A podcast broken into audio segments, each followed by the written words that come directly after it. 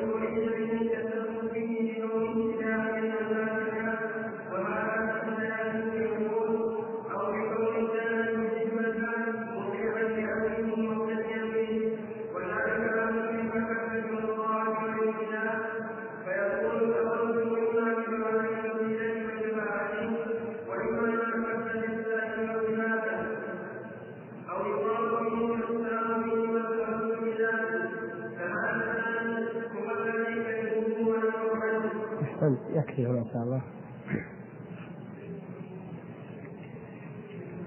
كما تعلمون أيها الإخوان أننا قلنا إن صور أو صيغ التوسل تنحصر في ثلاثة.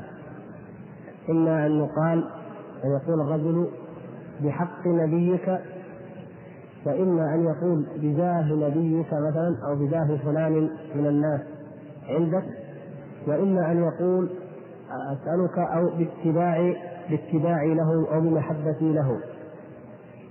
وقلنا إن الرجل الإنسان إذا قال اللهم إني أو اللهم بحق نبيك إذا قال هكذا مجملة من غير أن يأتي بالفعل. إذا قال اللهم بحق نبيك أعطنا كذا.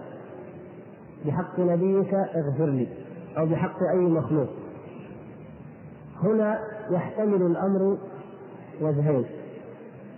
أن يكون سؤالا وأن يكون إقساما. عرفتم هذا إن شاء الله؟ يعني يحتمل هذا الكلام يحتمل أن يكون سؤالا يسأل الله سبحانه وتعالى. فعلى هذا يكون الباء في بحق متعلقة بأي شيء؟ بأسأل. نقدر الفعل أسأل. فكأنه قال اللهم إني أسألك بحق فلان. وإذا كانت كان الاحتمال الآخر فتكون الباء متعلقة بفعل هو إيش؟ أقسم. فكأنه يقول أقسم عليك يا ربي بحق فلان. سواء كان ذلك النبي صلى الله عليه وسلم أو غيره. فأما إذا كان الإقسام أما إذا كان سؤالا بالحق كأن يقول رجل اللهم إني أسألك بحق نبيك محمد صلى الله عليه وسلم أو بحق فلان من الناس عندك أن تغفر لي. فهذا هو الوجه الذي تقدم في الدرس الماضي. وعرفتم أن هذا من من التوسل البدعي الذي لا يجوز. إذ لا مناسبة ولا علاقة بين كون لهذا الرجل حق عند الله سبحانه وتعالى وبين أنك أنت ذلك الأجنبي البعيد تدعو الله. أو تسأله بحق فلان عنده. ما العلاقة بينك وبين فلان؟ الله تعالى له عباد طائعون وله عباد عاصون. له أولياء وله أعداء. فهو سبحانه وتعالى يجازي هذا بطاعته وبتقربه ويجازي ذلك بمعصيته. فما العلاقة أن مقصرا أو عاصيا يقول يا ربي أسألك بحق من أطاعك فلان عبدك الذي أطاعك فلان أن تغفر لي.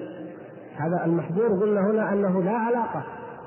والوجه الآخر في, في الذي يبين أن هذا الشيء محظور وبدعي هو أنه لا يثبت أصلا لأحد على الله تعالى حق وإنما هو سبحانه وتعالى كتب ذلك على نفسه وجعله حقا ليجازي به ذلك المحسن. فما دخل المسيء وما علاقة المسيء الذي يريد أن يدعو ربه من خلال حق فلان عنده. هذا هو الوجه الأول بحق من شاء هذا وبحق السائلين.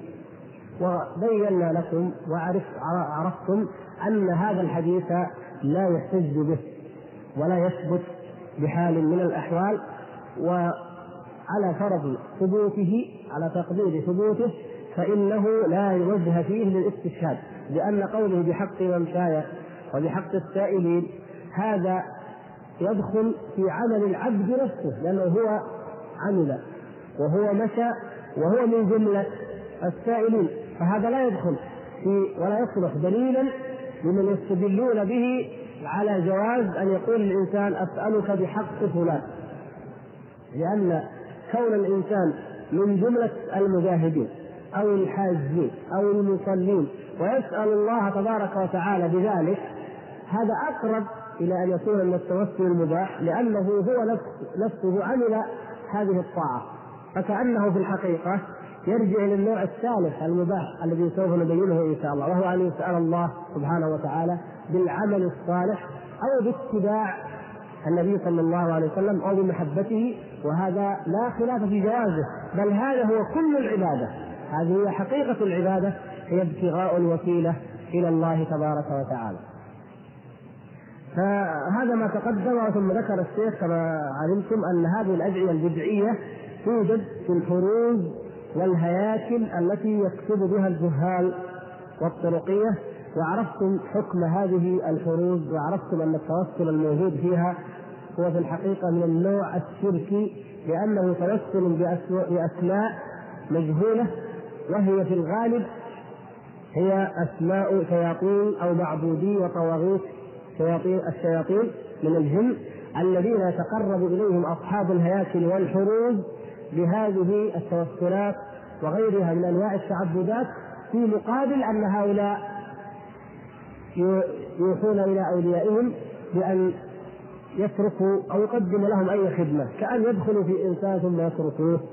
كأن يعطوه أمرا خبرا عن غائب يخدموه في أي قضية من القضايا التي هي من باب الاستمتاع الذي ذكره الله تبارك وتعالى. وختم الشيخ هذا الفقرة بقوله والدعاء من أفضل العبادات. والدعاء من أفضل العبادات والعبادات مبناها على السنة والاتباع لا على الهوى والابتداع. حين يكون دعاء أكثر المسلمين كما هو مشاهد اليوم الذين وقعوا في هذه البدعة أن يكون دعاءه بجاه نبيك بحق نبيك كلما جلس أو قام كلما تذكر أن له حاجة الأمر يتحول إلى اعتداء وإلى ابتداع. في حين أن الأدعية المشروعة المأثورة في القرآن وفي السنة كثيرة جدا وما عدا ذلك أيضا الدعاء المباح أمره والحمد لله وبابه واسع. وكون الدعاء من أفضل العبادات يدل له أن النبي صلى الله عليه وسلم قال الدعاء هو العبادة فحقيقة العبادة بجميع أنواعها هي التقرب إلى الله لنيل رضاه واجتناب سخطه. هذه هي التي من أجلها يسعى الساعون جميعا من الأنبياء والملائكة إلى أدنى عباد الله سبحانه وتعالى ممن يتقرب ويتجلف إلى ربه عز وجل، هذا هو غايتهم وهذه هذه غرضهم، اذا الدعاء هو العبادة والعبادة هي الدعاء في حقيقتها، فالله تبارك وتعالى الذي شرع لنا الدين وأمرنا بعبادته وجعل لنا هذا الطريق المشروع الواضح إليه وأرسل رسله ليبينوه. هل يضيق علينا طريق دعائه وطريق الوسيلة إليه؟ فلا يكون إلا عن طريق التوسل بالذوات المخلوقة وان هذا لا يمكن. والشيخ محمد الأمين الشنقيطي رحمة الله عليه وعندكم إن شاء الله كتاب أضواء البيان ذكر هؤلاء الجهال عند شرح لتفسير الآية نفسها وهي قول الله تبارك وتعالى من سورة المائدة يا أيها الذين آمنوا اتقوا الله وابتغوا إليه الوسيلة. قال وليست الوسيلة ما يزعمه جهال الملاحدة من الصوفية وأمثالهم أنها الواسطة أو الشيخ بين بطلان ذلك وأن الوسيلة بعد أن ذكر أقوال السلف أنها هي العمل الصالح هي التقرب إلى الله. وابتغوا إليه الوسيلة تقربوا إليه وتوسلوا إليه سبحانه وتعالى بما شرع. فإذا كما قال الشيخ العبادات مبناها السنة والاتباع فنتقرب إليه سبحانه وتعالى ونتوسل إليه بالاتباع بما شرع. لا بالأهواء ولا بالبدع. ثم ينتقل الشيخ رحمه الله إلى القسم أو الاحتمال الثاني وهو أن يقول الرجل آه، بحق فلان اللهم بحق فلان أعطني كذا اللهم بحق نبيك محمد صلى الله عليه وسلم اغفر لي ذنبي أو اشفي مريضي أو ما أشبه ذلك. فإذا قالها هذا الرجل إذا قالها وهو يقصد القسم. وهو يقصد الإقسام. الوجه الأول قلنا يقصد إيش؟ السؤال. والآن يقصد الإقسام. يقسم على الله بماذا؟ بحق فلان. بحق النبي صلى الله عليه وسلم أو بحق أي مخلوق يظن أنه من الأولياء أو هو من الأولياء لله المقربين عنده سبحانه وتعالى. يقول وإن كان المراد وإن كان مراده الإقسام على الله بحق فلان فذلك محظور أيضا لأن الإقسام بالمخلوق لا يجوز. فكيف على الخالق؟ مجرد أن يقسم إنسان بأي شيء مخلوق فهو وقع فيما عرفتم حكمه في الدرس الذي قبل الماضي وهو أنه لا يجوز بل هو شرك. قد يكون أكبر وقد يكون أصغر. فكيف إذا كان الإقسام على الله إذا كنت مقسما على مخلوق تأثم إذا حلفت بغير الله أقسمت عليه بغير الله وهو إما شرك أصغر وإما شرك أكبر. ولكن يتضاعف الإثم والكبيرة إذا كان الإقسام على من؟ على الله سبحانه وتعالى. ومن من ذا الذي يقسم على الله ويتألى عليه بحق أو بأحد من خلقه؟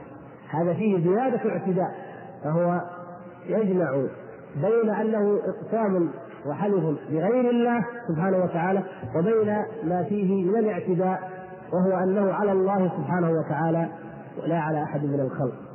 فيقول لا يجوز فكيف فكيف على الخالق؟ وقد قال صلى الله عليه وسلم من حلف بغير الله فقد أشرك. هذا الحديث الصحيح الذي سبق معكم لكم أن شرح. أنه النبي صلى الله عليه وسلم قال من كان حالفا فليحلف بالله أو ليصمت. وفي الحديث الآخر وهو هذا هنا قال من حلف بغير الله فقد أشرك أو فقد كفر. على روايتين.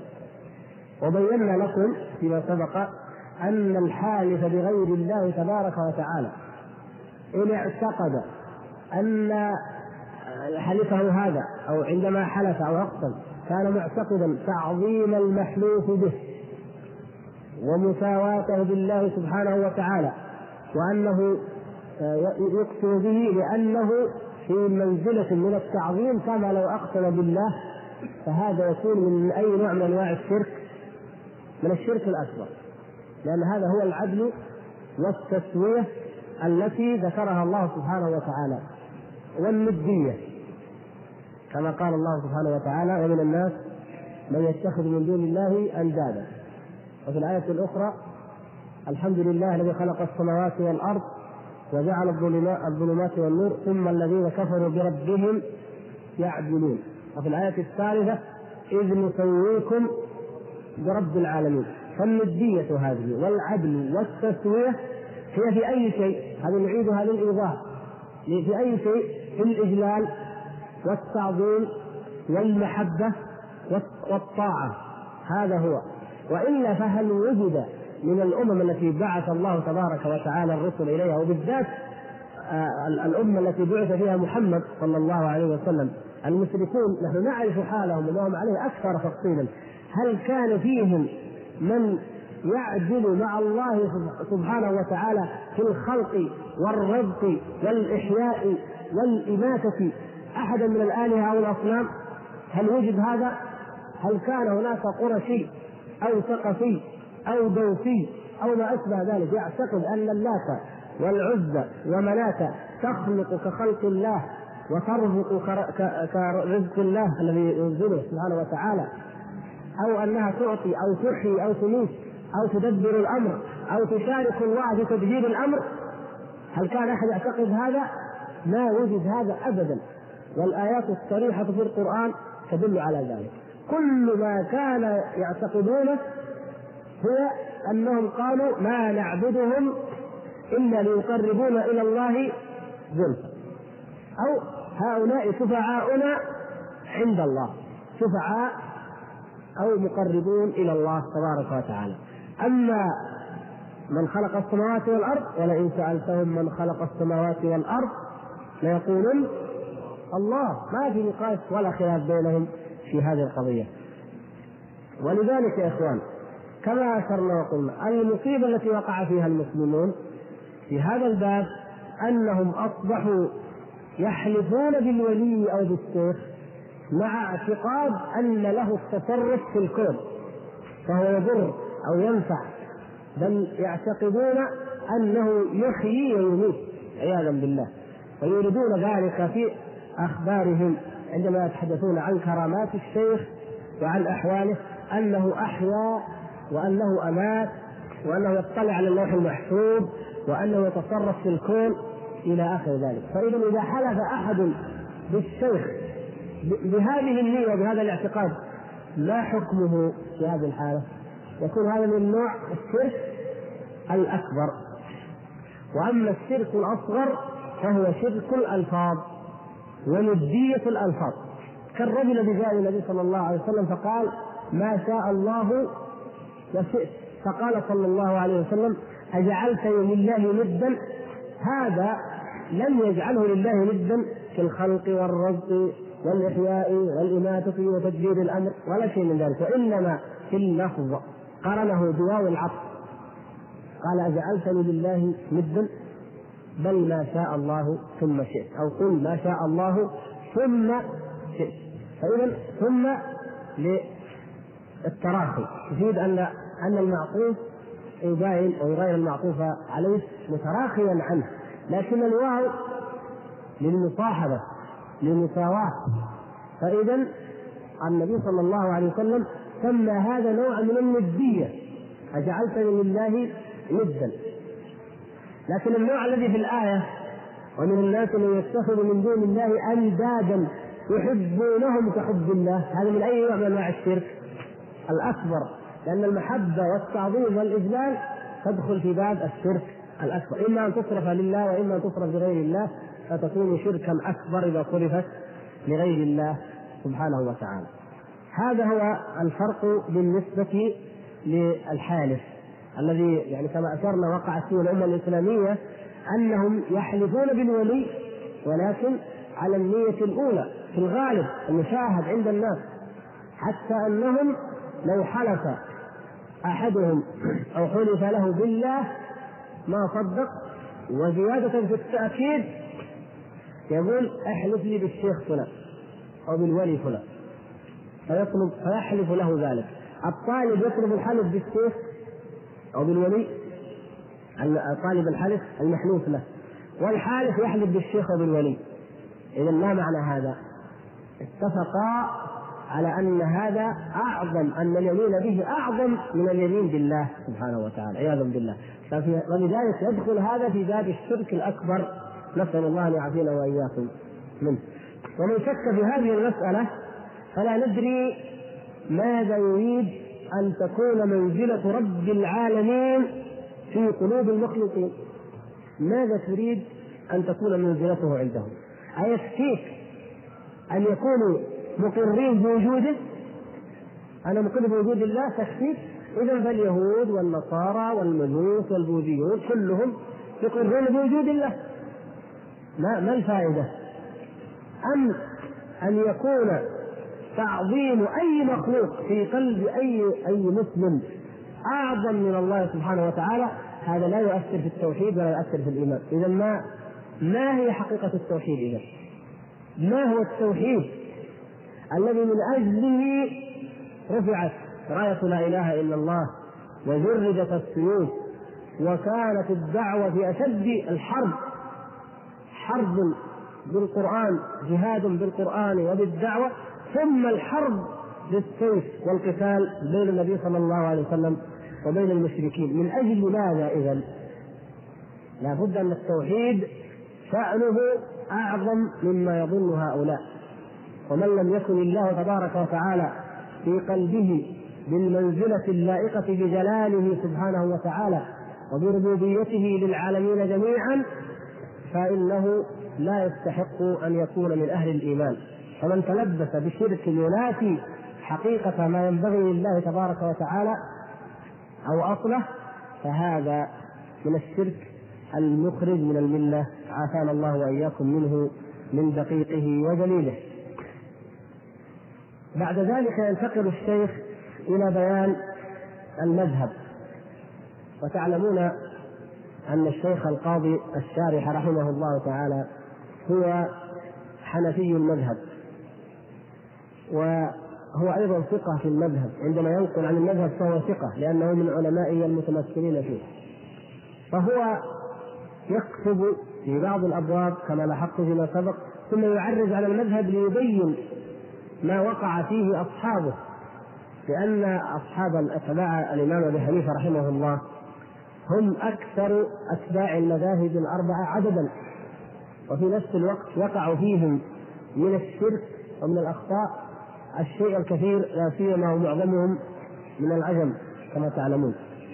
والشيخ يأتي بالمذهب مذهب السلف بالآيات بالأحاديث يوضح مذهب السلف الحق ثم يأتي بالمذهب الذي هو المذهب الفقهي لأبي حنيفة رحمه الله ولصاحبيه ليبين أن هذا مثل هذا وأنه لا منافاة بينهما.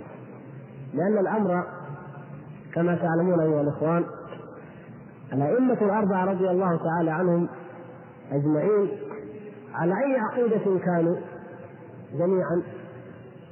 على منهج السلف الصالح.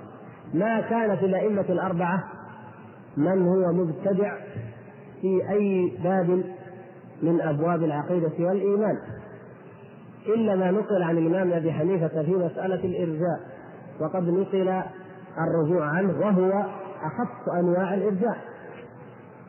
لكن في الصفات الإمام أبو حنيفة رحمه الله تعالى من أشد الأئمة في هذا الباب حتى أنه قال من قال لا أدري لا أدري أربي فوق العرش أم في الأرض في السماء أم في الأرض فقد كفر.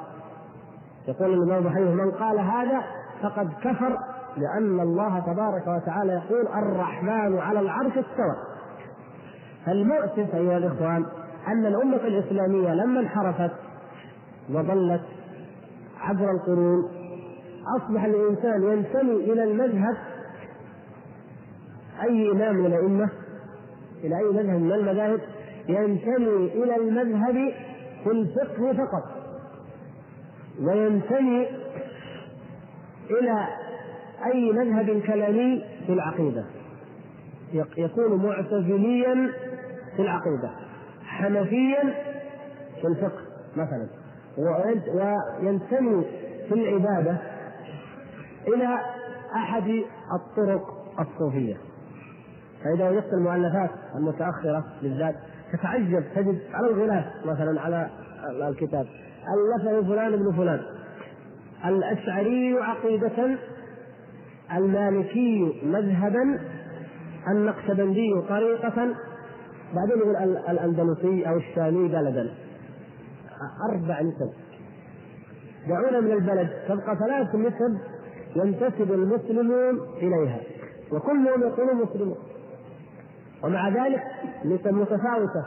طيب إذا جاء واحد وقال الماتريدي عقيدة. الحنفي مذهبا. الرفاعي أو القادري طريقة كيف يلتقي؟ كيف يلتقيان؟ هذا أشعري مالكي نقشبندي أو شاذلي. مثلا غالبا الشاذلية طيب أشعري مالكي شاذلي. كيف يلتقي؟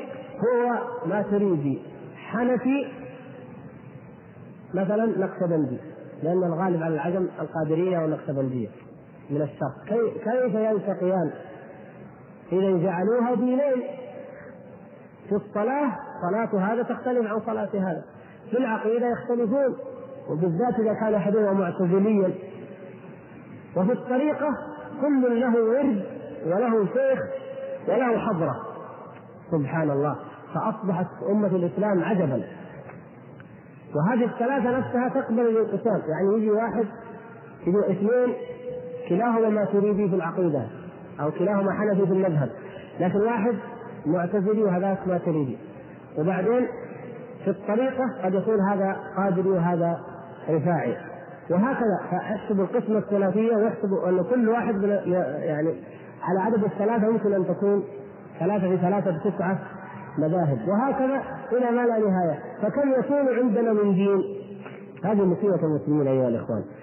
مع أن الأئمة الأربعة رضوان الله تبارك وتعالى عليهم الإمام مالك إمام دار الهجرة الإمام أبو حنيفة إمام العراق الإمام أحمد الإمام الشافعي رضي الله تعالى عن الجميع في زمنهم هم لم ينتسب إليهم الناس ويتعصبوا لهم. هم كانوا يحذرون أتباعهم وكلهم أوصوا أصحابهم وأتباعهم بأنه إذا جاء الحديث فخذوا به ودعوا كلامنا أو فاضربوا به أرض الحائط.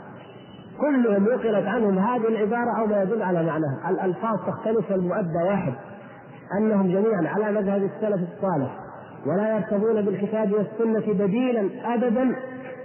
ويرفضون أن يتعصب أحد لكلامهم كائنا من كان فإذا قلنا إن التعصب والانتساب إلى الأئمة الأربعة الذين أجمعت الأمة على فضلهم التعصب لهم في الفقه أدى إلى التفرقة وأدى إلى بلايا وكوارث حتى أنه كان في المسجد الحرام أربعة محاريب تقام فيها الصلاة كل إمام يؤم وحده وأربعة مؤذنين وأربعة وأربعة إلى آخره سبحان الله. فهذا في التعصب الفقهي فقط. فما بالكم إذا وصل الأمر إلى أن يكون الخلاف في العقيدة وفي الطريقة في طريقة التعبد. هذا داء عضال من الأدواء التي أصابت الأمة الإسلامية ونسأل الله سبحانه وتعالى أن يرفع عنها ذلك وأن يوحدها جميعا على الكتاب والسنة. إنه سميع مجيب. الشيخ هنا يأتي بكلام الإمام أبي حنيفة وصاحبيه رضي الله تعالى عنهم ليبين أنهم على منهج السلف وأن من انتسب إليهم يجب عليه أن ينتسب إليهم في العقيدة. وأن يكون على مذهبهم أيضا. في العقيدة هناك في جلد الأرزاق يقرأ مرة صباحا ومرة مساء أو سبع مرات في كل ليلة. فإن الله يأمنه من كل بلاء انتهى. وهو هذا. أم الصبيان. أم الصبيان هذا المرض اللي نعرفه عند عند العوام أنه المرض الذي يصيب الأطفال زي الصرع أو زي يقولوا بالنية تدخل نعم. يعني أم الصبيان الله المستعان. جاب الفاتحة أول البقرة وبعدين آيات. يتخيرها كما يشاء من عدة سور. ويقول هذا ضد ذلك. ثم بعد ذلك يذكر هو من عنده.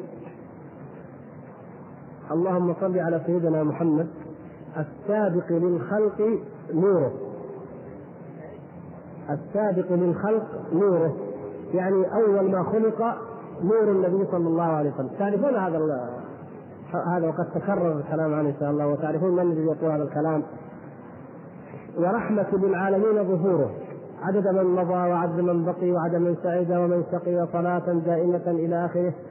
صلاة تنجينا بها من الأهوال وتقضي لنا بها الحاجات وترفع بنا الدرجات. إلى آخر العادة أن كل طريقة تبتدع لها ذكرا وصياغة معينة في الصلوات. المقصود يا أخوان أن المنكرات والضلالات لا تتناهى لا نهاية لها. أمثال هذه السيدات لا نهاية لها لكن الذي يجب أن يوجد هو التنبيه الدائم لعوام المسلمين ولطلبة العلم وفي المساجد وفي غيرها أن ينتبهوا لهذه الكتب فلا يقرؤوها ولا يصدقوا ما فيها. وإلا فكل دجال كل كذاب كل وضاع على رسول الله صلى الله عليه وسلم يكتب ويضع ما شاء. يقول هذا الورد. زي ما قال في الصباح والمساء وإن شئت مثلا كل ليلة ولا سبع ليالي. ويحط الوقت الذي يناسبه والألفاظ التي يريد ثم يفرضها على الناس ويزداها إذا كل إنسان يمكن أن يجعل نفسه في مقام النبي صلى الله عليه وسلم عياذا بالله. من الذي يستطيع وهو غير طبيب أن يقول إن هذا الدواء ينفع في كذا. لو جاء إنسان ما له أي علاقة بالطب جاهل من البادية وقال هذا دواء ينفع لكذا وينفع لكذا وضد كذا وضد كذا. من الذي يقبل منه؟ وهو غير طبيب. ونحن نعلم أنه في أمر الدين ليست المسألة أطباء. ما هنالك إلا طبيب واحد وهو رسول الله صلى الله عليه وسلم. في هذا الأمر هو واحد فقط يتلقى عنه هذا الشأن وغيره لا يتكلم. وإنما يسمع ويطيع ويتبع. فمن أين لهم أن هذا يدفع الهم أو يجلب الرزق أو يدفع المرض أو يرضاه الله ويغفر به الذنوب؟ أو من أين لهم هذا؟ هذا هو الافتراء على الله سبحانه وتعالى وهو أكبر الذنوب كأن الشرك بالله ما هو إلا فرع عنه. نعوذ بالله من الشرك ومن الافتراء على الله. أيضا الاخ هذا يوجد كتاب صغير يوزع مجانا انظروا يوزع مجانا إما أن فاعله هدام يريد أن يهدم العقيدة الصحيحة من القلوب فوزعه مجانا وإما أنه مسكين ضحك عليه. رأى كتاب عنوانه كما ذكر عنوانه ياسين والآيات المنجيات يقول الله أنا أفعل خير تاجر مشغول بالتجارة ما عندي علم. ولا يسأل أهل الذكر ليرى هل هذا الكتاب يصلح ولا يصلح خدع بإنسان من قطاع الطريق إلى الله عز وجل قال هذا الكتاب يا شيخ الله تعالى وسع عليك وأعطاك المال وأعطاك الخير ليش ما تنزل في سبيل الله؟ قال جزاك الله خير في شيء؟ قال نعم هذا الكتاب تطبعه وتوزعه أي وزعناه وطبعناه لا سأل هل هو مرخص له؟ هل هو صحيح؟ هل هو بدعة؟ هل هو هكذا ثم يوزع الآيات الموجيات يوجد فيه آية يقول المؤلف عنها أن من قرأها لم يمت في يومه الذي قرأها فيه. لم يمت. طيب علموها للمجاهدين. وانتهينا مع بداية الاستعداد. كل المجاهدين يقروا الآية ونحارب ونتوكل على الله وانتهت. فمثل هذا الابتداع مثل هذا الافتراء على الله سبحانه وتعالى ينتشر بيننا ونحن سكوت ولا ننكر ذلك. المسؤولية علينا جميعا. أئمة المساجد طلبة العلم الإخوان المشاركون في برامج التوعية والدعوة. كلنا يجب علينا جميعا وكل الإخوان المدرسون في المدارس الموظفون في الإدارات أن ننبه ما استطعنا إلى ضرر وخطر هذه الأمور. لأن هذه مخدرات فكرية. ألا ترون الحملة على المخدرات حملة طيبة ومشكورة ويجب أننا نساهم فيها جميعا. لكن هناك مخدرات لا يستطيع أن يكافحها إلا طلبة العلم وهي المخدرات الفكرية هذه التي تقضي على العقيدة وتخدر الإيمان وتخدر العقل ويموت صاحبها على غير دين الإسلام أو على غير سنة محمد صلى الله عليه وسلم عافانا الله واياه.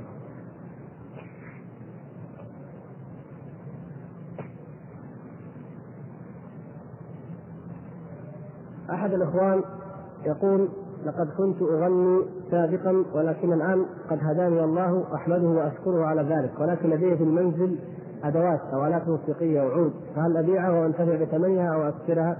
علما بأنه أني قد اشتريته بثمن غالي. هذا العود. اولا نحمد الله سبحانه وتعالى على هدايتك. ونسأل الله سبحانه وتعالى ونتضرع إليه أن يهدي كل من سلك هذا المسلك الضال من المسلمين لأن الغناء قد فتن به الناس فتنة عظيمة حتى أصبحت الموسيقى من أساسيات حياتهم عياذا بالله. حتى أصبح لو لو تحرك الإنسان أو مشى كأنه يمشي على أنغام الموسيقى أو يقولون ذلك مما يرى ومما يسمع أنهم جعلوا كل شيء حتى حركات الأشجار وحتى حركات الأنهار جعلوها على الموسيقى. بحيث انك أن ينطبع في ذهنك أن الموسيقى في كل شيء ومع كل شيء عياذا بالله. هذه التي تعلمون حرمتها من كتاب الله ومن سنة رسول الله صلى الله عليه وسلم وقد آه، العلماء جزاهم الله خيرا اللجنة الدائمة للبحوث العلمية والإفتاء والدعوة والإرشاد قد أفتت فيها أكثر من مرة ويتكرر ذلك في الإذاعة وتطبع وتوزع وتنشر. ولكن سبحان الله القلوب في غفلة. وهذا الغنى رقية الزنا وعن طريق الغناء ظهر ظهرت الفحشاء وظهرت المرأة تغني ثم تبرجت ثم ظهرت الأفلام الجنسية والرقص وكل ذلك مبدأه من الغناء. كل هذه السرور الذي يعلم أن الغناء حرام تجد أنه قد حصن نفسه بحسن عظيم فلا تصل إليه هذه الشرور لأنها لا تأتي إلا من استسلم للغناء ثم من الغناء دخل في هذه الشرور عياذا بالله. فيجب علينا جميعا يا إخوان أن ننبه كل من نستطيع إلى تحريم وإلى إلى حرمة هذه هذه الفاحشه هذا المنكر العظيم الغناء الذي وخاصه إذا كان بصوت امرأة ومع موسيقى فإنه بلا شك من المنكرات ومن الفواحش. وهو داعية للمصائب والبلايا حتى أن امرأة من الأعراب مر بها قوم كانوا من أهل الحضارة في الشام فمروا في أيام الدولة الأموية في أيام التابعين فمروا وسمعوا رجلا عملوا مجلس غناء ورجل يغني وآلات قديمة وصوت قديم ما هو مثل الآن.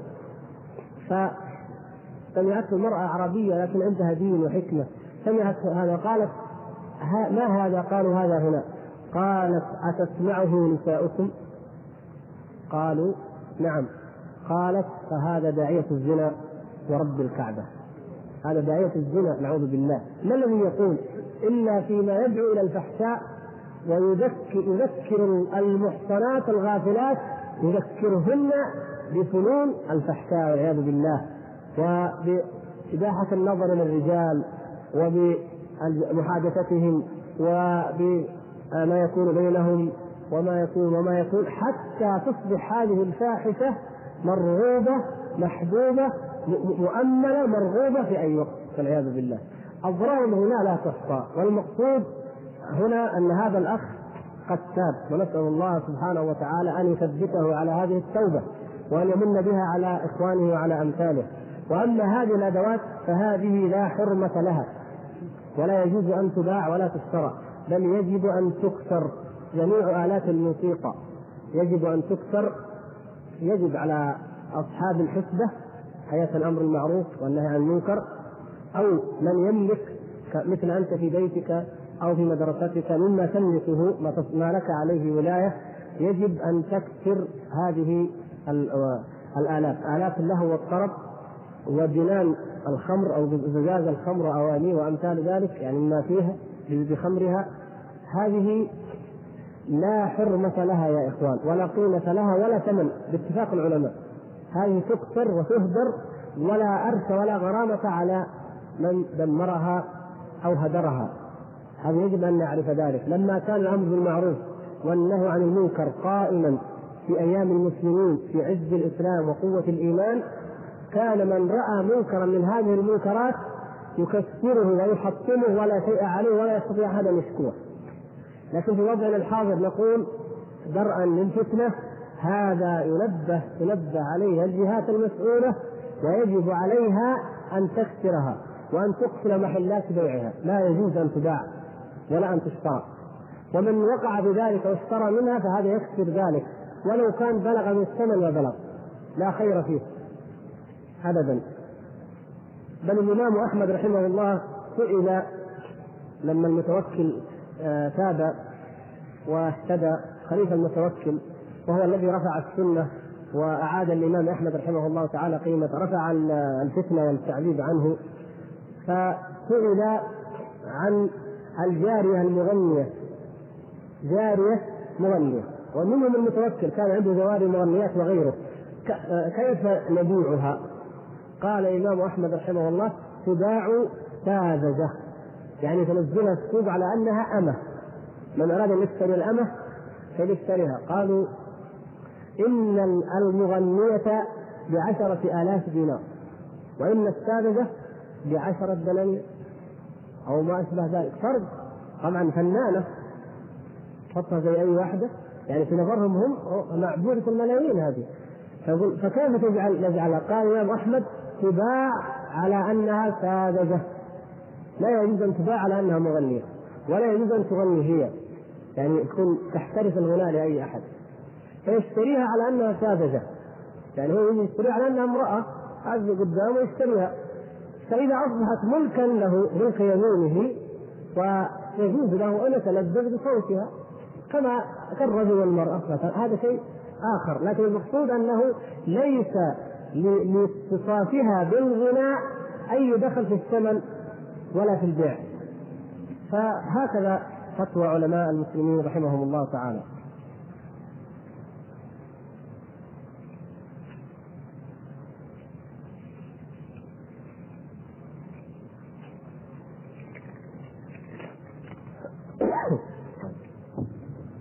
هذا في أحد الجرائد بسمات من التراث.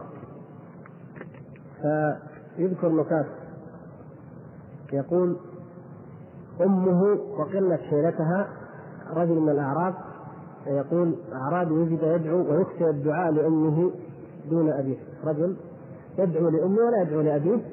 فقيل له لماذا تخص بالدعاء أمك دون أبيك؟ فقال يوم القيامة والدي رجل يستطيع أن يصارع عن نفسه وأمي مسكينة لا حيلة لها. انظروا كيف الكلام. والنكتة الثانية أن أعرابي سرق سره وكان اسمه موسى وصلى في المسجد وإذا بالإمام يقرأ وما تلك بيمينك يا موسى؟ فقال والله إنك لساحر وترك الصلاة. وترك السره ترك الصلاة وخرج. والنكتة الثالثة أن مر مر بعض باعرابي يقرأ غلبت الروم في أدنى الأرض فقيل له الروم أصلحك الله يا رجل؟ فقال الأعرابي كلهم اعداؤنا قتلهم الله. هذه فيها تحريف. ما هو؟ لكن المقصود ما إحنا ما نبغى نصحح النكتة؟ نبغى نعرف إيش؟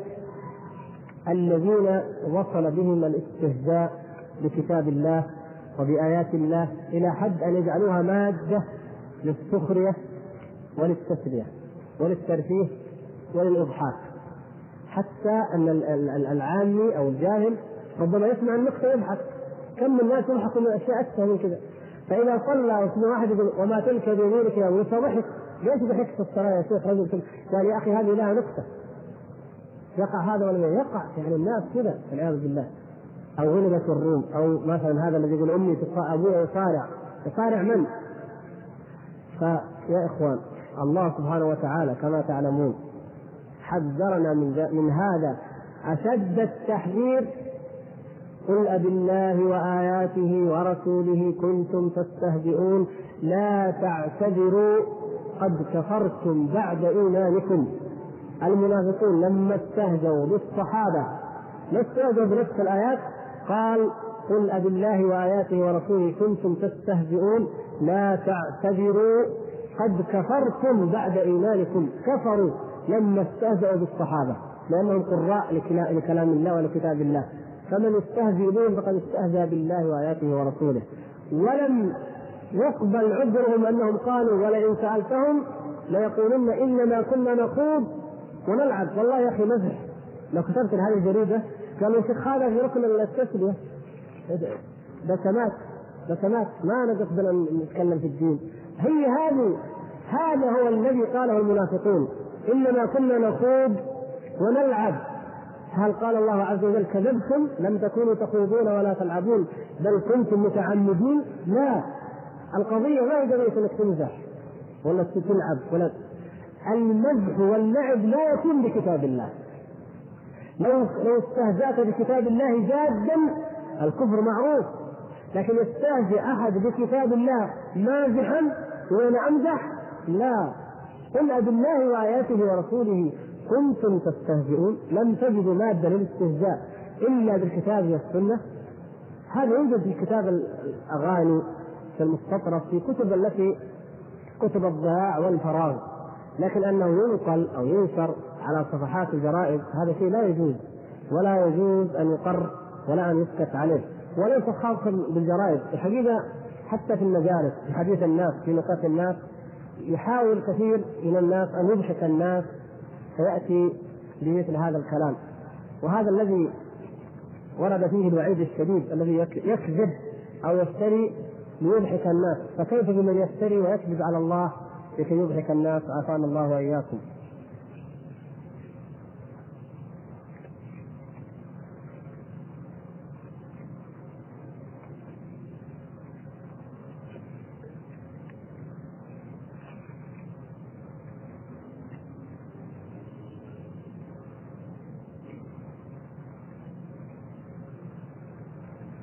هذا أحد الأخوان يذكر قضية ربما يكون أكثر من واحد الحقيقة انه في هذه الأيام أو مرت قضية الاحتفال بعيد الميلاد فما حكم المشاركة فيه؟ عيد ميلاد المسيح.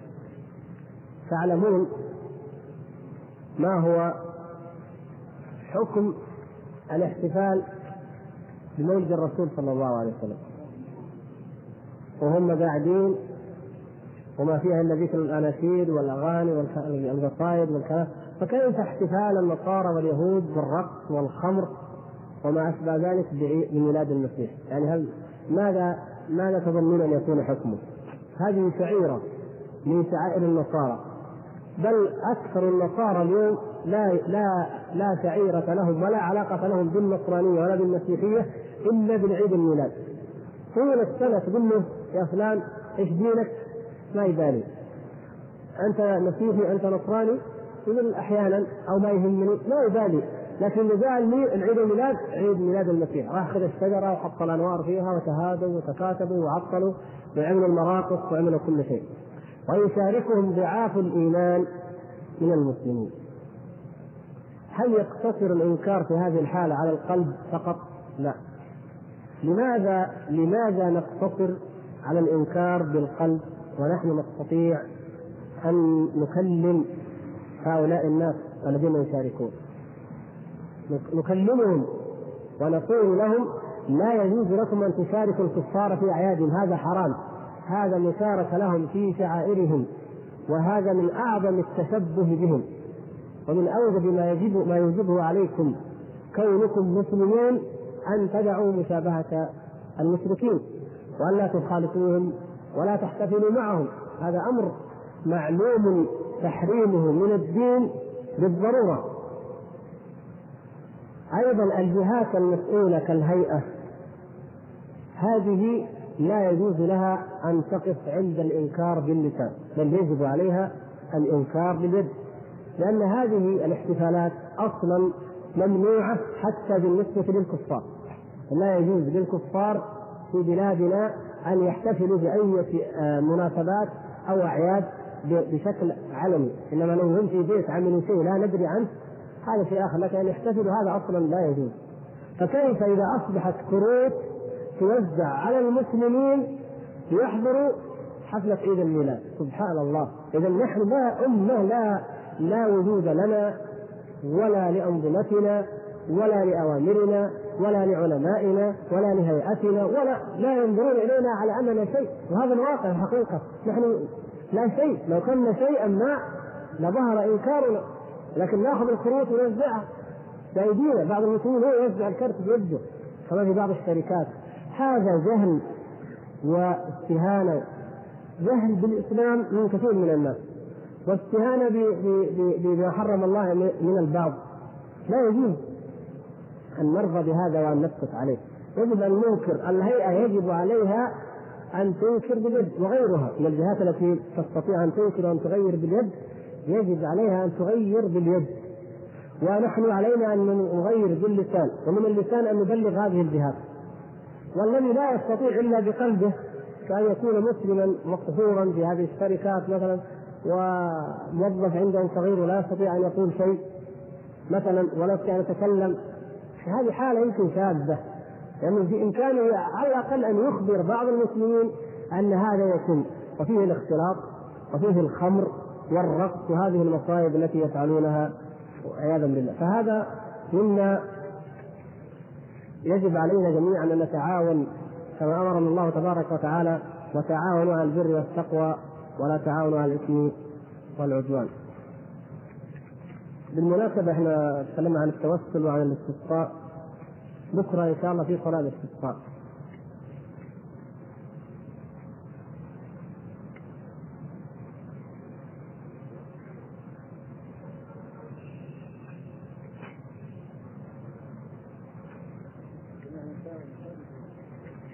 ما أدري عن عن الجميع لكن حبينا نذكركم وأنتم دوروا.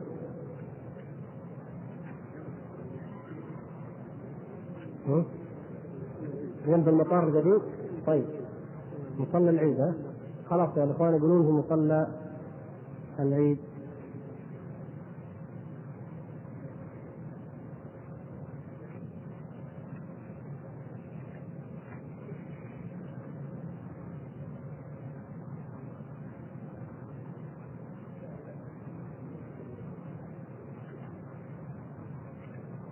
يقول الأخ إما له علاقة بموضوعنا عده اسئله لكن إما له علاقة بالموضوع هل يجوز أن يقال أقسم بآيات الله على إطلاقها فقد يدخل فيها الشمس والقمر وغيرهما؟ نعم من آيات الله ومن آياته الليل والنهار والشمس والقمر. فهذه من آيات الله وآيات كثيرة في الخلق وفي الأحياء لأن الآيات منها ما هو كوني آياته الكونية وفي الأرض آيات للموقنين. وما أشبه ذلك. فكل ما نراه الجبال من آيات الله الكون من آيات الله النجوم خلق الناس لغات الناس اختلاف ألسنتهم وألوانهم هذه من آيات الله.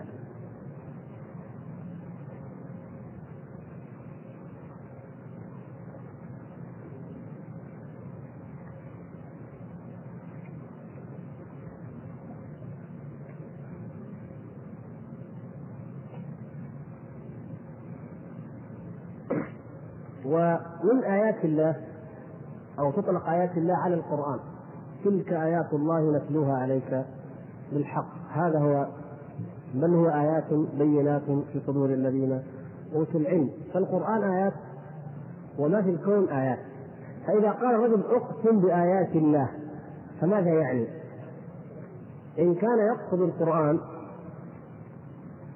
فالقسم بالقرآن ليس قسما بمخلوق.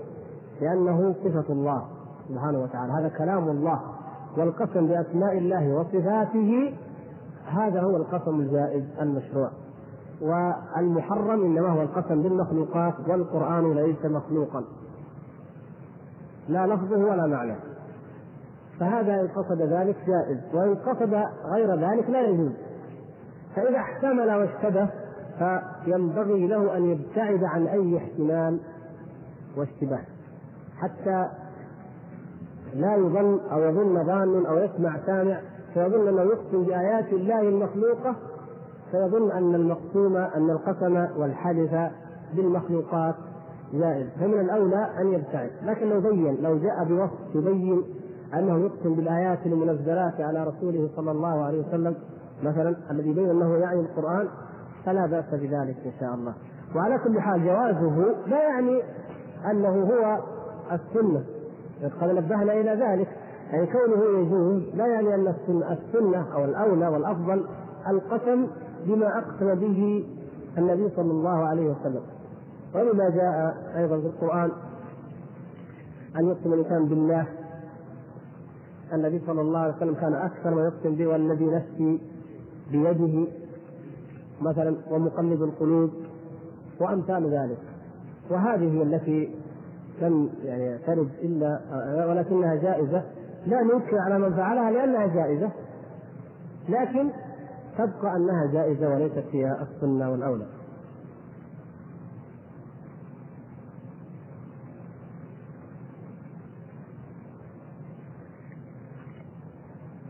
هذه ما يبكي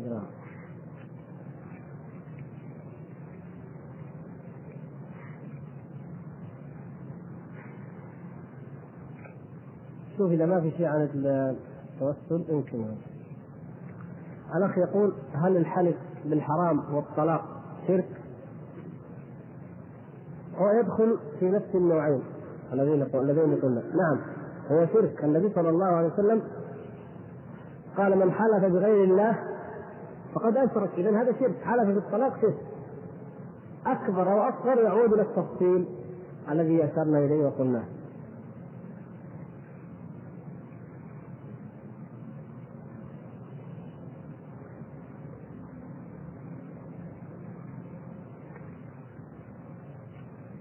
إذا كان الإنسان يتعاطى شيئا من الشرك الأكبر عن جهل ثم مات فهل هو مشرك خالد في النار؟ هذا بينه بينه وبين ربه عز وجل. نحن في أحكام الدنيا نقول من كان مصرا ومقيما على شرك أكبر حتى مات هذا مشرك. لكن هو ما الذي مات فأمره إلى الله سبحانه وتعالى كما يقول أخ عن جهل المسألة تحتاج إلى تفصيل ما هو هذا الشرك؟ ما مقدار هذا الجهل؟ ليس الجهل عذرا هكذا بإطلاق بل لابد من التفصيل ولابد من البيان. إذا كان الإنسان معلقا تميمة فهل تجوز الصلاة خلفه؟ من علق تميمة إذا علقها واعتقد أنها تجلب الضر أو النفع فهذا يكون من الشرك الأكبر نعوذ بالله أعتقد أن هذه في نوع من الحديد أو نوع معين يضعوها يقول لك هذه تدفع العين وتجلب الرزق وتكسر البركة وتفعل كذا وكذا. هذا هو الشرك الأكبر. لأن هذه خصائص الألوهية جعلت لهذه الخرقة وما فيها من حجر أو حديده أو نحاس أو أي شيء. هذا شرك أكبر نعوذ بالله. وإن كان مجرد أنه يقول يعني تقليد للناس أو يقول مشروعة أو يقول أنها جائزة وأن ما فيها أي شيء تقليدا وعادة فهذا جعل غير السبب سببا. شيء لم يجعله الشرع سببا للشفاء جعله سببا هو مثلا للشفاء أو لدفع العين فهذا من الابتداع ومن الضلال. فالذي يعلق تميمه يجب أن ينبه من جماعة المسجد لا يجوز أن يقروه على الصلاة بهم وهو معلق تميمة بل لابد أن ينبه. فإن أصر وعرف أنه يعتقد فيها الضر والنفع فإن الصلاة خلفه لا تجوز. ويجب أن تعرفوا يا إخوان أن كلامنا الماضي والدائم عن أهل البدع عن البدع وأنه لابد من تفصيل وأن من عرف ومن لم يعرف أن في فرق بين هذا وبين الذي يعلق تميمة. من جهة إيش؟ من جهة أن التميمة أمر مشاهد محسوس. لكن إنسان أنت ترى ناقشته فوجدت عنده بدعة. ما صليت خلفه. جاء إنسان صلى خلفه. قلت له يا أخي عنده بدعة. قال أنا سألته قال لا. أنا على مذهب أهل السنة والجماعة. ولا أعتقد كذا ولا أعتقد كذا. فالأمر الغيبي الأمر الخفي يحتمل. فلهذا أنت الذي عرفت الحقيقة يختلف حكمك عن الذي لم يعرفها. لكن التميمة أمر معلق. بعض الناس يعلقها بشكل بارز واضح أو يمكن أن توضح وتعرف فإذا يجب أن ينبه هو بالحسنى ما استطعت إن لم ينتبه ويرتدع تنبه المصلين إليها. فشيء مرئي إما أن يقطعه وإما أن يتركه. فإذا هذا شيء واضح أمامنا. فالحكم معه إذا على بينة وعلى وضوح. إذا كان الإنسان ينكر وجود الله في السماء هل هو كافر؟ الأصل أن هذه المقالة كفر. هذه المقالة كفر.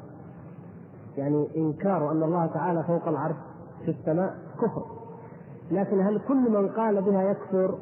لا.